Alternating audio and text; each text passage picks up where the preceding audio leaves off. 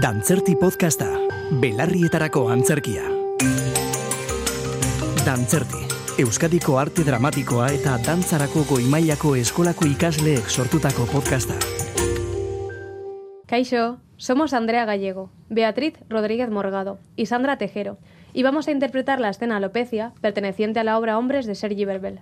Durante esta escena escucharemos a cinco mujeres frente a un público, completamente calvas, que comparten su punto de vista y experiencias respecto al tema. Alopecia, caída general o parcial de los cabellos y el pelo, puede originarse por causas muy diversas. Enfermedades infecciosas o parasitarias, tifo, gripe, sífilis, neumonía, erisipela, tiña. Enfermedades de cuero cabelludo, psoriasis, lupus eritemas, efecto de las radiaciones, rayos X, radiaciones atómicas, acción de diversas sustancias medicamentosas de aplicación local, sales de selenio. O no, sale de talio, anticoagulantes, traumas psíquicos, emociones repetidas muy fuertes, esfuerzos intelectuales, tracción de los cabellos, artificios de peluquería, rozamiento, posición boca arriba de los bebés, cicatrización de una herida, quemadura, trauma, pseudopelada de Brock, etc. Aunque cualquiera de estas situaciones sea común, ninguna de ellas es tan corriente como la alopecia seborreica o calvicie, la cual afecta de modo continuado y progresivo al hombre. Está motivada por causas de tipo hormonal, microbiano y genético preferentemente.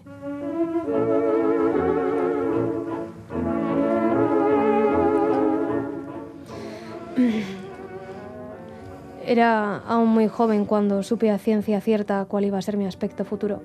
No me gustó. No se notaba, pero ya tenía síntomas de alopecia. Tenía el pelo lacio y escaso.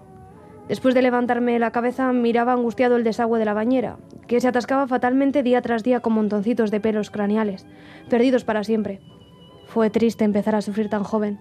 Tenía que disimular aquella enfermedad humillante, porque alguna vez que me habían atrevido a comentarla, me habían respondido con risas irónicas y sin muestra alguna de piedad. Qué mala es la gente. Me sentía diferente y ridículo. Incubaba dentro de mí una sensación como la que se tiene cuando aún no has aprendido a moverte entre mujeres y no tienes más remedio para solucionarlo que matarte a pajas. Solo por poner un ejemplo. Te matas a pajas. Y mientras tanto, fardas de ligón. Y te lo pasas fatal. Y empiezas a considerarte a ti mismo como un depravado. Como un perro. Como un cerdo. Así me sentía, así. Seguía a escondidas todo tipo de tratamientos, desde el petróleo gal hasta el minoxidil. Y nada. Y me mataba a pajas. Y nada. No sé qué demonios tiene que ver esto con las pajas. Mucho. Claro, me sentía inferior a los demás chicos, ¿no? Me daba la impresión de que todas las tías se meaban de risa cuando me miraban de la cabeza, ¿vale? ¿Cómo queréis que aprendiera a moverme entre ellas, eh? Me mataba a pajas. Bueno, basta ya, ¿no? El miedo a la alopecia y el miedo a las chicas estaban íntimamente ligados. La gente es mala, pero siempre hay que... Hay alguien que te echa un cable. Tenía un primo de cuatro años mayor que yo. Calvo. Aquello tenía que ser her- hereditario, vamos. Pero a él, en cambio, siempre se le veía seguro, tranquilo, feliz. Un día me armé de valor y le pregunté. ¿Cómo has superado el trauma? ¿Cómo te lo montas? Me guiñó el ojo. La alopecia. Me explicó. Es hormonal, microbiana y genética. No, es un trauma. Tiene que ver con la virilidad. Tiene que ver con la virilidad. Es asunto de virilidad. Es un signo de virilidad. En definitiva, mi incipiente calvicie estaba relacionada con el producto de mis queridos cojoncillos. De hecho, y no quiero hacerme pesado, era ese el motivo por el que me mataba pajas, claro. Mi virilidad estallaba por abajo y me denunciaba por arriba. La alopecia y unos cojoncillos siempre rebosantes estaban íntimamente relacionados. Aquel día. Ah. Oh. Me reconcilié conmigo mismo. Perdí la vergüenza y me enorgullecí de ser calvo. A partir de entonces y durante muchos años el problema se esfumó. La aprensión a la calvicie pasó a ser un entrañable y estúpido recuerdo de la adolescencia. Igual que las pajas. Sí, por fin aprendí a moverme entre las chicas. Perdón, la historia que quiero explicar empieza ahora. Pasaron muchos años. Conocí a muchas mujeres. Putillas. Chochetes. Aprendí a dominar el sexo y los sentimientos. Ah, y la calvicie fue desarrollándose, primero en forma de antigua coronilla eclesiástica y luego como una vasta región descaradamente desertizada. Pero el proceso de la alopecia ya no me afectaba. Estaba curado. Entonces se produjo la catástrofe. Yo ya era un señor más que maduro, de vuelta de todo. Y en las postrimerias de la vida apareció ella, una mujer de piernas largas inacabables y de pechos generosos. En realidad no sé si era inteligente o... O estúpida. Piernas esculturales, cintura estrecha, unas buenas tetas. Pero en ella lo importante no era nada de eso. Lo importante en ella... La madre que la parió. Eran sus cabellos. ¡Oh! Su cabellera larga, levemente ondulada, negra y brillante como el charol. En cambio, su cara no era perfecta. Quiero decir, tenía una cara bonita, pero le faltaba o le sobraba no sé qué. Ahora bien, la caballera... ¡Guau! Hay que ver. Aquella cabellera que ella sabía agitar y revolucionar y calmar con un simple movimiento de cabeza. Aquello era... La rehostia. Sí, la rehostia gracias a la cabellera. Por lo tanto, tenía que ser mía. La perseguí noche y día, hice locuras para que me aceptara y lo conseguí. Fue mía. Noches La gloriosas. abrazaba, Un día mi cara en sus cabellos. Los olía. los alzaba, Le besaba la nuca. Los dejaba caer. me sumergía en ellos. Mientras me vaciaban su coñete, eran aquellos cabellos largos, suaves y espesos los que estallaban en mi cerebro y magnificaban mis En orgasmos. resumen, aquella mujer era para mí una, una cabellera y se acabó. Y entonces una idea fija empezó a obsesionarme. Una noche de furia sexual.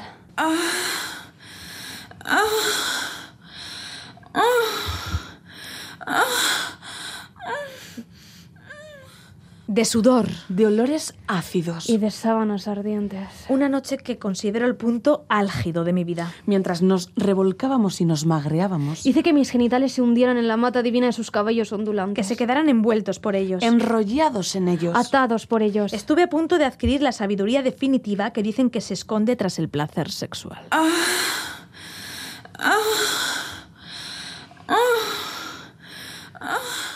Vamos, para entendernos, me corrí como un salvaje y tuve el orgasmo más bestial de mi vida. Me desparramé. Abundantemente. Sobre la cabellera, vi mi semen deslizándose triunfalmente.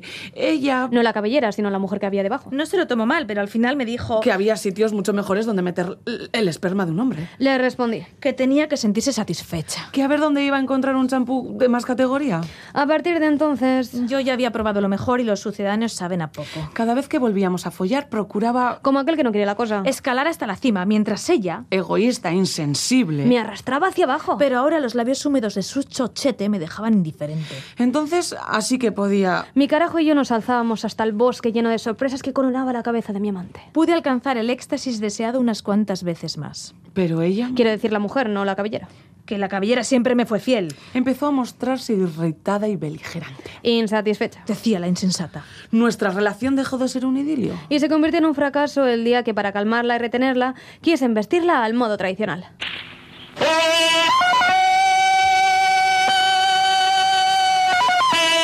Y no lo conseguí. La pilila no se me levantó. La pilila añoraba otros parajes. No me había pasado nunca antes, lo juro. Ella me miró fijamente. Me acarició el cogote y me dijo, con una asociación de ideas que no venía demasiado a cuento. Pronto te quedarás sin un solo pelo. Palabras fatales. Acababa de sembrar de nuevo la duda. ¿Qué era mi alopecia? ¿Un signo de virilidad? O un signo de decadencia.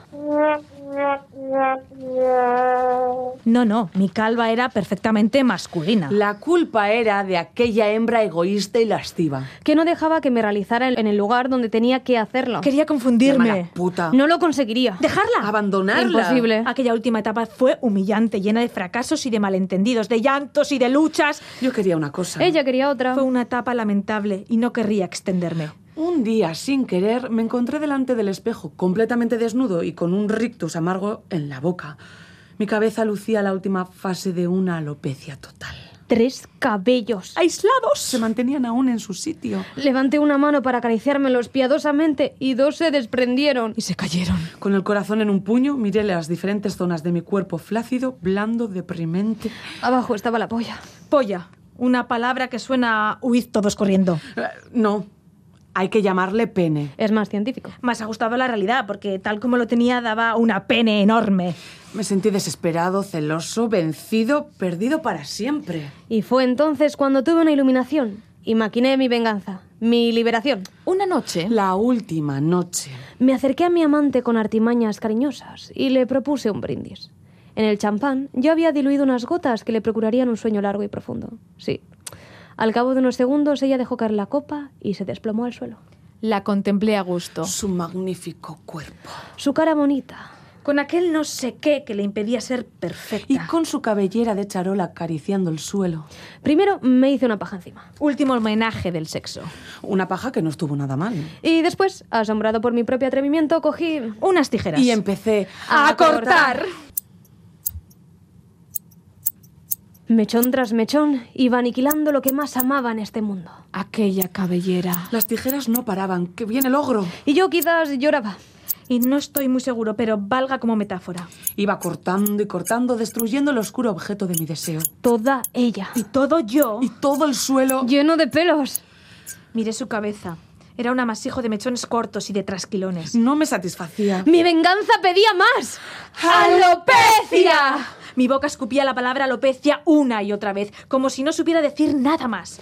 Ahora sí te darán alopecia. Me sentía como el portavoz de una raza heroica, humillada y por fin vengadora. Cogí mi toalla y los utensilios de afeitar. La- le alcé la cabeza y le puse la toalla debajo. Hice espuma con la brocha y la pasé por el cráneo de mi amante. Fue un trabajo meticuloso. No quería causarle ningún rasguño. No quería herirla. La quería calva. Alopécica total. Sin un solo puto pelo. ¡Venganza!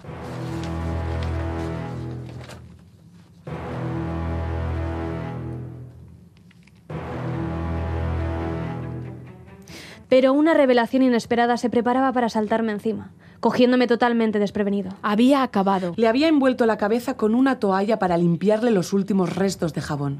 Entonces, De un tirón, Vencedor, ansioso por celebrar la victoria, verla reducida a mi misma condición para que supiera lo que es bueno. aparté la toalla. de repente descubrí Aterrorizado. Que aquel no sé qué, aquello inexplicable que impedía que su rostro fuera definitivamente bello, por fin Había desaparecido. Dios mío, ahora tenía ante mí a una mujer perfecta. El óvalo de su cráneo conjugaba armonioso con las cejas. con los ojos. Con las aletas de la nariz. con la boca levemente abierta. Ahora que era calva, su belleza acababa de conseguir la plenitud. Ahora sí me atrae aquella mala puta calva. Me atraía con locura toda ella, toda calva más que nunca. Sollocé desesperadamente. Estaba perdido. Perdido para siempre. La desnudé arrancándole la ropa salvajemente. La toqué, Necesitaba tocarla. Le palpé febrilmente cada rincón del cuerpo. la besé. Y lloré. Esta vez sin metáfora. Después me quedé inmóvil, buscando una salida a mi desesperación. La encontré fácilmente. Tomé pues la última y definitiva decisión. La estrangulé. La estrangulé.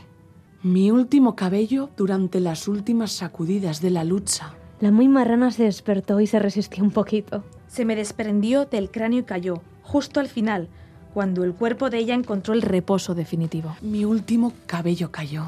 Planeó por el aire y al final se depositó. Suavemente. En medio de dos pechos poderosos. La alopecia había culminado su labor en el momento oportuno. Cuando yo culminaba la mía.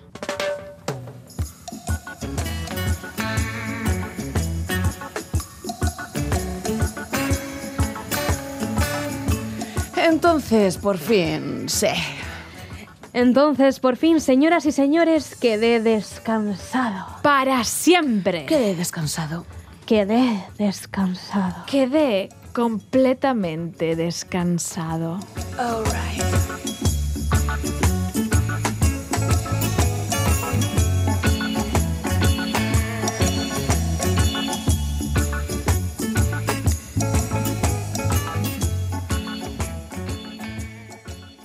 Dantzerti, Euskadiko arte dramatikoa eta E dantzarako goimailako eskolako ikasleek EITB podcasterako sortutako podcasta.